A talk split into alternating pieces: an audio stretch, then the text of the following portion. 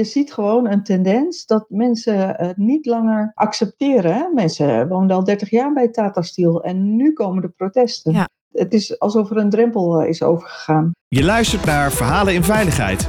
Deze podcast brengt verhalen over veiligheid samen van de mensen die het doen. Met wisselende onderwerpen. Verhalen vanuit de wetenschap, verhalen vanuit de praktijk, maar vooral verhalen die raken uit ons mooie vak. Uw presentatrice Orlie Borlak. Welkom luisteraars. Het is weer tijd voor een eh, mooie podcast. Ik zit eh, vandaag in de studio met de goeroe als het gaat over eh, gevaarlijke stoffen. Tamara Onos. Een heleboel van jullie kennen haar denk ik wel. Ze is gecertificeerd arbeidshygiënist, hoge veiligheidskundige en auteur. Ze heeft meer dan 25 jaar ervaring in het vak. Haar missie is gezonde en veilige werkomstandigheden voor iedereen in Nederland.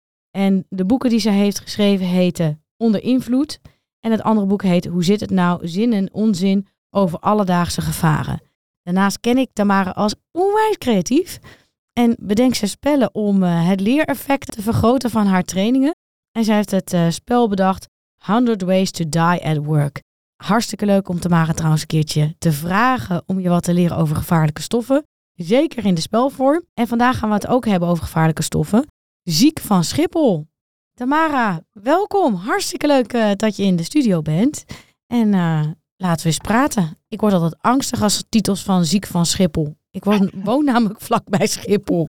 Ja, je woont eh, in de buurt hè? Ja, ja, en als ik dan mijn tuin ga ehm, aanharken of iets mee gaan doen en ik haal het lapje over mijn tuintafel heen, dan is hij binnen twee dagen echt mega zwart. En ik kon onwijs het verschil zien eh, in corona, want toen vlogen ze niet. En toen was mijn tafel netjes schoon. Maar eh, ze zijn weer flink aan het vliegen en eh, ja, dan schrik je wel. Ja, dat is tof. En, en daar ging inderdaad die uitzending ook over. Over het, het stof wat eigenlijk vrijkomt bij de uitlaatgassen hè, van vliegtuigen. En werknemers hebben natuurlijk ook te maken met de uitlaatgassen van alles wat daar rijdt rondom die vliegtuigen. En ik, eh, ik heb die uitzending van Zembla gezien hè, over, eh, over ziek van Schiphol. Waarin mensen ook zeggen van ja, ik, eh, eigenlijk hoor je gewoon dat medewerkers angstig zijn. Dus ze zeggen ik heb collega's met hartaanvallen. Ik heb veel collega's die allerlei soorten vormen van kanker hebben. En dan zie je dus ook allemaal filmpjes dat die motoren ook blijven draaien. Die vliegtuigen die, die zetten gewoon de motor niet uit. En die blijven dan op het platform waar al die mensen aan het werk zijn draaien. Ik, ik vind dat wel lastig te rijmen dan. Eh, ja, en het is natuurlijk, eh, dat is met beroepsziekte altijd. Het is ontzettend lastig om te zeggen, komen die hartklachten nou eh, door een verkeerd leefpatroon of doordat ze onder de rook van Schiphol wonen of door het werk? Hè? Dat, dat weet je niet goed. Maar wat je wel weet is dat zoveel blootstelling aan uitlaatgassen niet gezond is. Maar kunnen ze daar wat bij Schiphol mee doen? Ja, in principe wel. Eh, en, en er is ook al, al wat eh, gedaan, eh, met name aan de dieselmotoruitstoot. Heel veel is geëlek ik wou bijna zeggen geëlektrocuteerd, elektrisch gemaakt. Eh, maar ja, de vliegtuigen, dat is nog lastig. Wat mooi was aan de uitzending, is dat zij ook Denemarken lieten zien. Waar dus de vliegtuigen eerst elektrisch weg worden gehaald. Dus naar, naar de start- en landingsbaan worden verplaatst. En pas daar doen ze de motoren aan. En dat is eh, ja, bij Schiphol nog niet mogelijk. Maar wat ik wel bijzonder vind, is dat ze ook gewoon op het platform dan de motoren blijven draaien. Wat, wat is daar de reden dan achter dat ze dat doen? Nou, een deel van de motoren die is nodig om eh, de koeling in het eh, vliegtuig te garanderen en zo. En voor een deel kunnen ze dan ook al aansluiten op gewoon het elektriciteitsnet. Maar dat gebeurt niet altijd. En die kleine deeltjes die ik dus in mijn tuin vind, dat, dat is gewoon wat zij dan inademen. Hele kleine zwarte deeltjes. Ja, nou wat jij op je tafel ziet zijn eigenlijk eh, de grotere deeltjes. Hè? Dus die slaan neer. Eh, maar er zijn nog veel meer deeltjes in de lucht. Eh, een deel daarvan blijft achter in je neus en, en in je slijmvlies. Hè? Dat vertelde zij ook, dat hun, zakdoek zwart was als zij hun neus snuiten. Maar wat juist eh, de, het lastige is, echt de- het gevaarlijke, zijn de hele kleine deeltjes die je ook niet met het oog ziet. Die helemaal doorgaan tot de longblaasjes. En een deel daarvan kan zelfs, het is zo klein, dat kan met het zuurstof mee de bloedbaan in. En dus naar andere organen.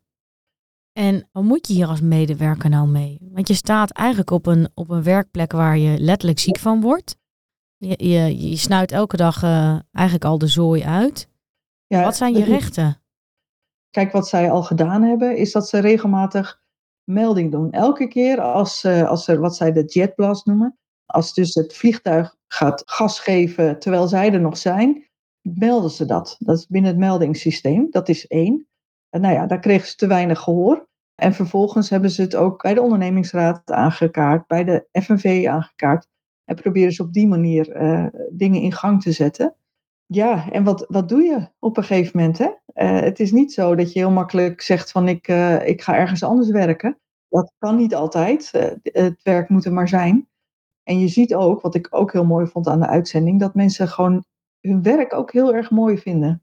Het werken rondom de vliegtuig is in principe heel erg mooi. Alleen die blootstellingsmomenten zijn natuurlijk zowel qua geluid als qua stof ja, heel slecht voor je gezondheid. En is het ook een beetje een taboe bij Schiphol om hierover te praten? Want ze willen natuurlijk uh, het liefste natuurlijk wel laten zien uh, dat vliegen gewoon gaaf is en sexy is. En, en ja. ik kan me voorstellen dat ze hier niet op zitten te wachten. Nee, nou waar, waar de uh, reacties op uitkwamen was van ja, we weten nu dat ultrafijnstof erg gevaarlijk is. we zijn onderzoek aan het doen om te kijken hoe we dat gaan oplossen. En voor 2030 denken we niet dat we dat inderdaad op kunnen lossen. Maar tegelijkertijd zie je dat de, de arbodiensten hè, van KLM, Schiphol en alle grote afhandelaars, die hebben al in 2012 onderzoeken gedaan waaruit blijkt van ja, met de toenmalige kennis was het eigenlijk de situatie al onacceptabel en moest dat opgelost worden. En dat is steeds, ja, uh, er zijn dingen opgelost, maar niet alles en niet de grote dingen, dus niet de vliegtuigen. En waarom dat is, ja, dat zou je aan Schiphol moeten vragen. Maar hoeveel risico lopen wij als omwonenden? Ik ben uh, uh, ja, een omwonende, niet heel dicht bij Schiphol. Ik woon in Amstelveen. Maar je hoort nu ook al dingen over uh, andere soorten fijnstoffen in de ring Amsterdam. Hè? Dat mensen hebben 13 jaar minder levensverwachting. Dat hebben ze dan toevallig wel gemeten rondom Amsterdam door de ring. Maar ik vraag me af, hoe, hoe zit dat dan met Schiphol? Hè? Ik kan me heel goed voorstellen dat je als je direct op de landingsbaan werkt, dat dat echt heel schadelijk voor je gezondheid is. Want je staat er echt dag en nacht in maar ook voor de omwonenden. Want daar komen die deeltjes toch ook terecht? Ja, en daar was toevallig ook onderzoek naar gedaan. Eigenlijk was dat als eerste gedaan, hè, onderzoek naar de omwonenden. Uh, en daar bleek dat kinderen met, met longafwijkingen, die uh, op dagen dat er veel uh, stof in de lucht was, gebruikten zij hun medicatie vaker. Je zag lichte verhogingen van het risico. Maar toen de medewerkers dat zagen, dachten zij van hé, hey, maar wat houdt dat voor onzin? Dus ja, er zijn ook uh, gezondheidseffecten bij omwonenden. Ze zijn beperkt en met name voor uh, mensen met uh, al longaandoeningen, dus onderliggend lijden. Ik kan me heel goed voorstellen dat jouw vak best wel lastig is. Die gevaarlijke stoffen zijn natuurlijk niet direct daarvan de, ja, de schade of de, het letsel duidelijk. Vaak een lange termijn dingen. Ik kan me heel goed voorstellen dat mensen het bagatelliseren, jouw vak, zeg maar. Ja, dat klopt. Je ziet wel dat het bewustzijn toeneemt. Ook door uh, uitzendingen als uh, Zembla. Uh, maar het, is, het lastige is inderdaad wat jij zegt. Hè? Je, je blootstelling op moment 1, 20, 30, 40 jaar later word je misschien ziek. En dat is zo ver van je bedshow. Dat is lastig. Maar ook, waar we het net over hadden, er zijn heel veel verschillende factoren die van invloed zijn op of jij ziek wordt of niet. Dus je kan bijna nooit zeggen, het komt door het werk. Want het is het werk en het feit dat je in Amstelveen woont. En nou ja, uh, dat je rookt, dat je, nou, tel alles maar bij elkaar op. Ja, één oorzaak kan je vaak niet aanwijzen. En dat maakt het uh, lastig en dat maakt ook dat mensen naar elkaar gaan wijzen. Los eerst dat maar op. Of, ja, dat drukt de urgentie. Ja. ja, ja. En ontstaat er dan, want je zegt mensen gaan naar elkaar wijzen, ontstaat dan ook een soort beetje ruzieachtig sfeertje soms? Nou, ruzie. Uh, wel een excuus om het niet aan te pakken. Dat, dat zie je. Ja, dat, dat er eerst naar de leefstijl wordt gewezen of dat soort dingen. En natuurlijk helpt dat ook niet mee. Vaak is het zo dat roken en blootstelling elkaar verergert. Dus dat is uh, erger dan de losse blootstellingen bij elkaar. Uh, maar goed, dat is geen reden om niet die werkblootstelling op te lossen. Jij bent hartstikke creatief. Ik heb jouw spel gespeeld. Die heb je mij laten zien over hoe je, me, hoe je moet achterhalen hoe de persoon in de kamer is overleden. Een soort uh, hoe dan het moordspel. maak je die dingen in de hoop van dat mensen de urgentie meer zien van gevaarlijke stoffen? Wat is het effect van dat soort creatieve oplossingen? Ja, nou, dat, dat je ongemerkt kennis opdoet. En, en wat jij gespeeld hebt was een, eh, een eerste versie. Hè? En inmiddels is het een, een bordspel geworden, ook voor. Uh, nou, ik heb toevallig uh, verleden week gespeeld met uh, leerlingen HAVO 3 en VWO 3, die verplicht ingedeeld waren. Dus hun klasgenoten gingen lassen, auto's repareren en zij moesten, zoals ze dat zelf zeggen, een veiligheidsspel doen. En binnen vijf minuten waren ze volop in discussie over. Nee, je moet het etiket lezen en we moeten een dijkje bouwen. En ja, waren ze uh, enthousiast. En aan het eind van de rit snappen zij wat welk etiket betekent, maar ook dat je het etiket moet lezen, want het symbooltje alleen zegt niet genoeg. Ja, mooi. Ja. Kan je toch iets meer over je spel vertellen? Want ik wil natuurlijk helemaal nu weten. Uh, wat, wat voor scenario speel je de tegenwoordig in je, in je spel? Ja, nou op dit moment, het, het idee is dat het een spellenlijn is. En we hebben nu twee spellen. Uh, er zijn uh, ontwikkelingen voor meer, hè, 100 ways. Dus uh, we hebben nog even te gaan. Eén spel gaat over de gevarenpictogrammen en de andere gaat over dieselmotoremissie. En eigenlijk is in elk spel het idee hetzelfde. Je bent met een ploeg, er is een crisissituatie en je moet een ploeggenoot redden die ergens in het pand zit. En gaandeweg door het pand moet je elke keer keuzes maken. En die keuzes hebben effect op de tijd. Het, het kost je tijd als je de verkeerde keuze maakt. En door die keuzes te maken, krijg je informatie. Uh, zie je wat erger is hè, en wat relevante factoren zijn. Uh, en daardoor vertel je niet van dieselmotoremissie is slecht voor je longen, maar je ervaart het, want je maakt de verkeerde keuze en dat kost uh, tijd in dit geval. Of je redt wel of niet de, de collega die in nood is. En mensen uit bedrijfsleven, spelen die ook al jouw spellen? Ja, nou uh, ja, toevallig gisteren bij een groep van nou, Evo Venedex, hè, dus dat zijn de logistieke uh, gespeeld. Ja, je, je ziet hele, nou ja, sowieso omdat je het als team speelt, je krijgt je leuke dynamiek en je krijgt interactie. En mensen zijn gewoon bloedfanatiek. En uh, sommigen die door en nemen kansen en de anderen die willen eerst goed overleggen. En de, en de grap is ja, dat je dus ongemerkt kennis uh, opdoet. Maar aan het eind ga je natuurlijk, is natuurlijk de truc om te kijken van ja, en hoe zit dat nou uh, bij ons in het bedrijf? Hè? We hebben het gespeeld bij uh, leerlingen van een bouwopleiding. En die renden naderhand de werkplaats in om te kijken van ja, wat voor heftruck hebben wij nou eigenlijk? Dus ja. Dus het stimuleert ook wel het gesprek over gevaarlijke stoffen. Ja, absoluut, ja. En um, zie je ook dat mensen daardoor ja, bewuster zijn over uh, keuzes die zij maken. Dat ze inderdaad, nu, nu gingen ze naar de heftruck, maar dat ze dan naar de etiketten gaan. Of dat ze eens kijken van, joh, wat bestellen wij nou eigenlijk als grondstoffen? Ja, dat kan, dat kan, want je hebt natuurlijk verschillende mensen die je aan tafel kunt hebben. En dat is, uh, ja, hebben wij eigenlijk van die etiketjes met het exploderende mannetje. Hè? Dus de, de ernstige gezondheidsschade. Uh, waarom hebben we die? Kunnen we die nog vervangen door iets? Ja, en dat soort gesprekken breng je op gang. En soms denk ik van, zijn gevaarlijke stoffen niet heel erg genormaliseerd? Hè? Want we hebben het natuurlijk over Schiphol. Uh, we hebben het heel even kort over de ring gehad. Hoogovens staan echt continu in het nieuws. En uiteindelijk lijkt er voor mijn gevoel niet zoveel mee te gebeuren. En dan krijg ik een beetje het idee van, is het een soort normalisatie? Moeten we hiermee dealen? En was eerst onze levensverwachting heel goed? Maar gaat die toch de aankomende jaren een beetje naar beneden door al dit soort ja, gevaarlijke stoffen in onze omgeving? Ja, ik heb het idee dat, dat uh, de acceptatie minder wordt. De, de protesten rondom Tata Steel en de, de protesten rondom Schiphol en, en ook de herrie van Schiphol. Uh, dat neemt toe. Ook omdat, wat jij net zei, van ja, je zag het verschil tussen uh, hoe de lucht eruit zag in corona en buiten corona. ja, wat dat betreft heb ik het idee dat mensen er wel bewuster van worden. Dat zag je natuurlijk toen eerst ook bij het roken. Hè? Dat was heel normaal en iedereen rookte. En op verjaardagen had je van die glaasjes met sigaretten. En dat was volledig normaal dat de kamer blauw stond. Uh, maar gaandeweg zie je natuurlijk mensen met klachten. Zie je dat mensen overlijden door het roken. En zie je de effecten beter. En op dit moment denk ik dat er veel meer aandacht is, ook in de media, voor uh, mensen die ziek worden. En dus krijg je, hè, na de eerste Zembla-uitzending, kreeg ik een appje van uh, een uh, collega met een nagelsalon. Van, hé, hey, maar hoe zit het bij mij? Want wat komt er bij mij nou eigenlijk vrij en is dat schadelijk? Dus het zet mensen wel aan het denken.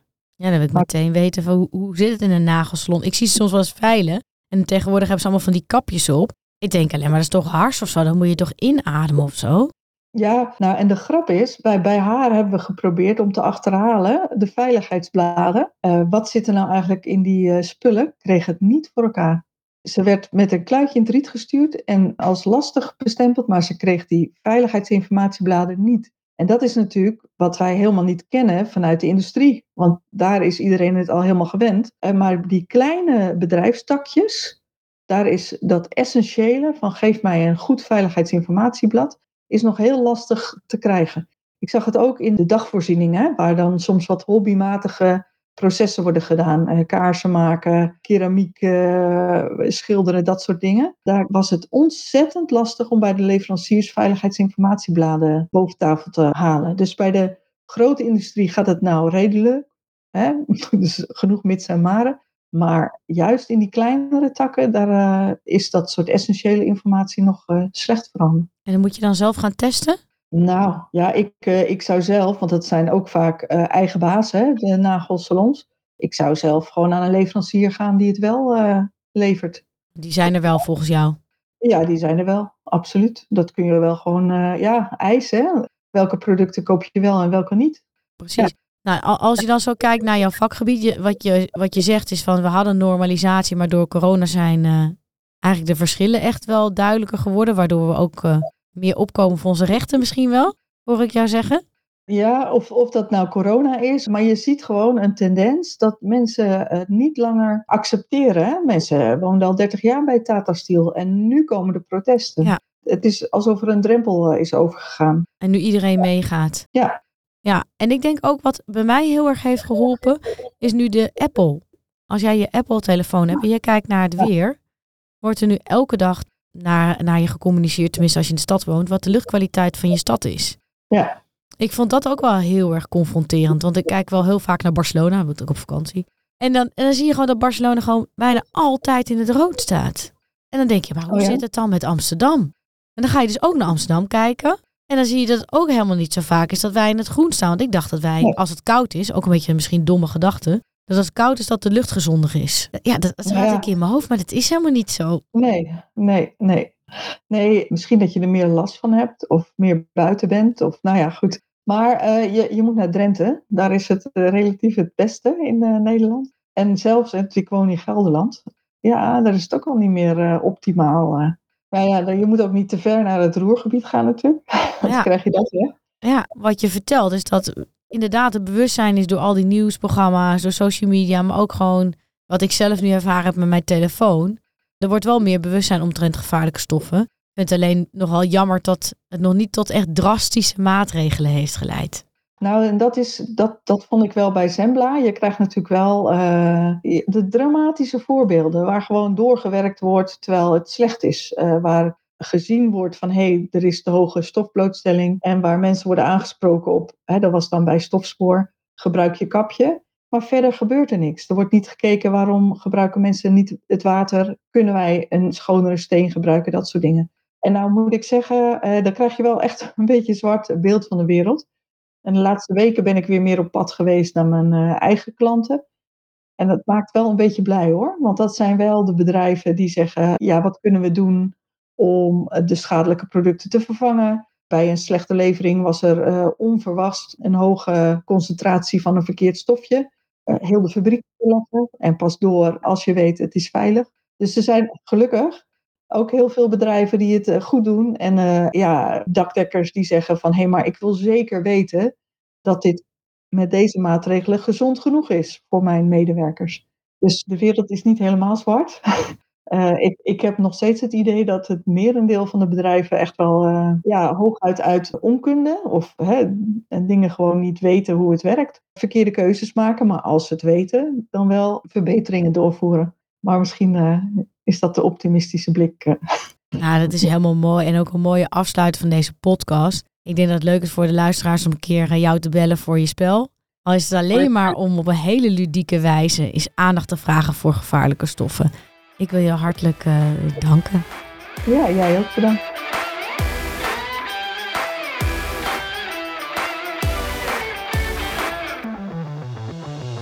Je luisterde naar Verhalen in Veiligheid. Wil je niks missen van deze podcast? Abonneer je dan op deze podcast in je favoriete podcastplatform.